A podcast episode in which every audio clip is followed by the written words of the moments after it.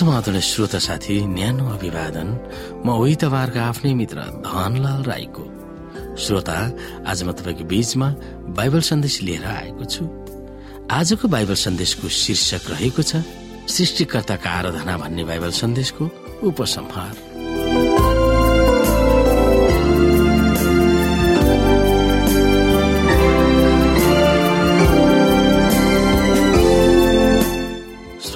पवित्र धर्मशास्त्र बाइबलको मुख्य केन्द्रबिन्दु नै सृष्टिकर्ता परमेश्वरको आराधना गर्नु हो।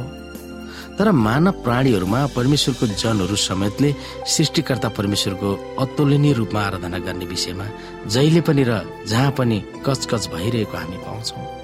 पुरानो करारभरि भविष्यवक्ताहरूले परमेश्वरका जनहरूले उहाँलाई बाहेक अरू देवी देवताहरूलाई भगवान भनेर पूजा गर्दा हप्की खप्नु परेको थियो। तिनीहरूले सृष्टिकर्ता परमेश्वरको बारेमा अनेकौं तवरले ज्ञान भए तापनि मूर्ति पूजा गर्ने मानिसहरूको धर्मपछि लागेर तिनीहरूकै मूर्ति पूजा गरेका थिए। परमेश्वरको आराधना गर्ने कि अरू मूर्तिहरूलाई पूजा गर्ने विषय नै परमेश्वर र शैतानको बीचमा भइरहेको द्वन्द्वको केन्द्रबिन्दु हो। जब परमेश्वर बाहेक आफूहरूले नै आविष्कार गरेको बनाएको मूर्तिहरू शैतानका आवाजलाई मान्दा परमेश्वरको व्यवस्थाको सरासर व्यवस्था गरेको ठहरिएको हुन्छ। परमेश्वरको निम्ति यो अत्यन्तै निन्दनीय काम हो। मानव प्राणीको अस्तित्वको आधारभूत पक्ष नै आराधना हो। जब जीवित मानव प्राणी सृष्टिकर्ताको सामु पर्छ उसको स्वभाव नै परमेश्वरको सामु प्रणाम गर्नु हो। केवल जीवित मानिसहरूले मात्र परमेश्वरको आराधना गर्न सकिन्छ। मरेको वा मरिसकेको मानव जातिले परमेश्वरको आराधना गर्न सक्दैन न त प्रशंसा नै गर्न सक्छ। हामीलाई सृष्टि गर्नुहुने परमेश्वरले उहाँलाई आराधना गर्न हाम्रो जीवन सुम्पन्न आह्वान गर्नुहुन्छ। जब हामी उहाँको आराधना गर्छौँ तब उहाँले हामीलाई बडो मायाले ग्रहण गर्नुहुन्छ र अरूहरूको हितको निम्ति उहाँले हामीलाई प्रयोग गर्नुहुन्छ। हाम्रो अस्तित्वको स्वभाव र लक्ष्य नै परमेश्वरको आराधना गर्नु हो। हामीभन्दा बाहिर परमेश्वरलाई केन्द्रबिन्दु बनाउँदा हामीलाई स्वार्थी हुनुबाट स्वतन्त्र पार्दछ। परमेश्वरको आराधना नगर्दा हाम्रो अस्तित्वको कारण नै विलय हुन्छ। यदि जीवनको स्रोतसँगको सम्पर्क विहीन हुन चाहन्छौँ भने हामी पुरै नाश हुने बाटोमा लाग्ने हुन्छौँ। हामी जीवनको अस्तित्वको लक्ष्यप्रति नै विचलित हुन्छौँ। त्यसको फलस्वरूप मानव जगत सरासर आत्मा हत्यामा गइरहेको प्रमाणित गर्दछ। यस पतित संसार अब परमेश्वरले सृष्टि गर्नुभयो भन्नुमा मात्र पर्याप्त किन छैन?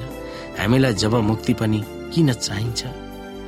तपाईँ हाम्रो जीवनमा यस्तो अनुभव केही छ जसमा परमेश्वरको शक्तिले अचम्म तरिकाले काम गरिरहेको थियो?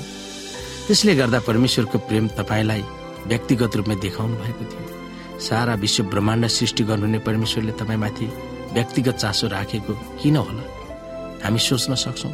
यही परमेश्वरले तपाईँलाई प्रेम गर्नुहुन्छ र तपाईँको जीवनको उच्चतम हितको निम्ति चासो देखाउनुहुन्छ।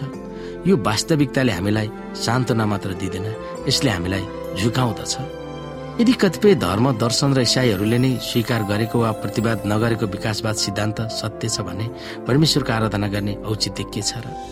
विकासवाद सिद्धान्त अनुसार सृष्टिकर्ताले खरबौं वर्षसम्मको मृत्यु हिंसा विनाश दुःख कष्ट र फेरि आम सखाप पार्नु भयो र फेरि पनि सृष्टि गर्नु भयो रे तर उत्पत्तिको पुस्तकले हाम्रो सृष्टि विकासवादको सिद्धान्तको ठिक विपरीत छ भन्दछ यदि विकासवाद सिद्धान्तको प्रतिवाद हामीले गरेनौँ र मान्यौँ भने परमेश्वरको आराधना किन गर्ने?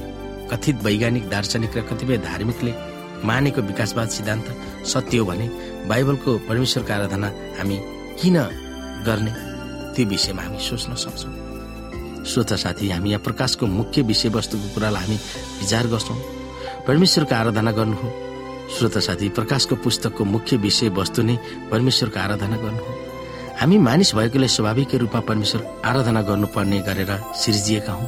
प्रत्येक मानिसले कुनै न कुनै विषयवस्तु वा व्यक्तिको पूजा गर्दछ तर सत्य आराधना सनातन सृष्टिकर्ता परमेश्वरको आराधना गर्नु हो। यस आराधनामा हाम्रो जीवनको सही लक्ष्यलाई हामीले भेटाउन सकिन्छ। यसले हामी बाँच्नुको कारण दिन्छ।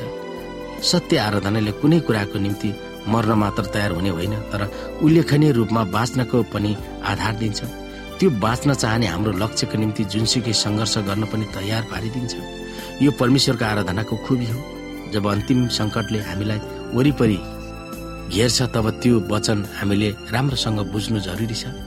चेलाहरूको आत्मालाई सुदृढ गराउँदै उनीहरूलाई विश्वासमा रहिरहने अर्तिथि र धेरै कष्ट सहेर हामी परमेश्वरका राज्यमा प्रवेश गर्नुपर्छ भने तिनीहरूलाई भने यसुका प्रिय चेला उहाँको परम भक्त सेवक युहनाले त अनेकौं दुःख कष्ट र सतावट सहनु पर्यो भने हामी पनि त्यही परिस्थिति भोग्नु पर्दैन भनेर के ढुक्क हुन सक्छौँ र?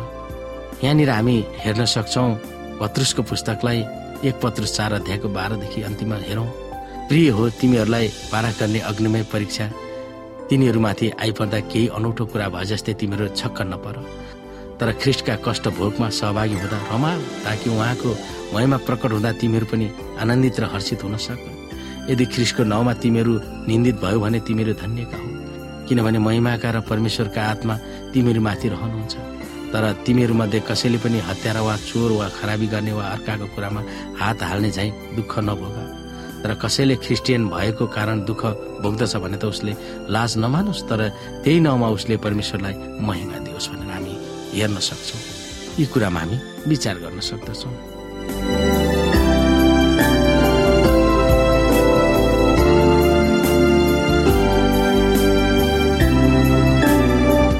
श्रोता आजको लागि बाइबल सन्देश यति नै। हस्त नमस्ते।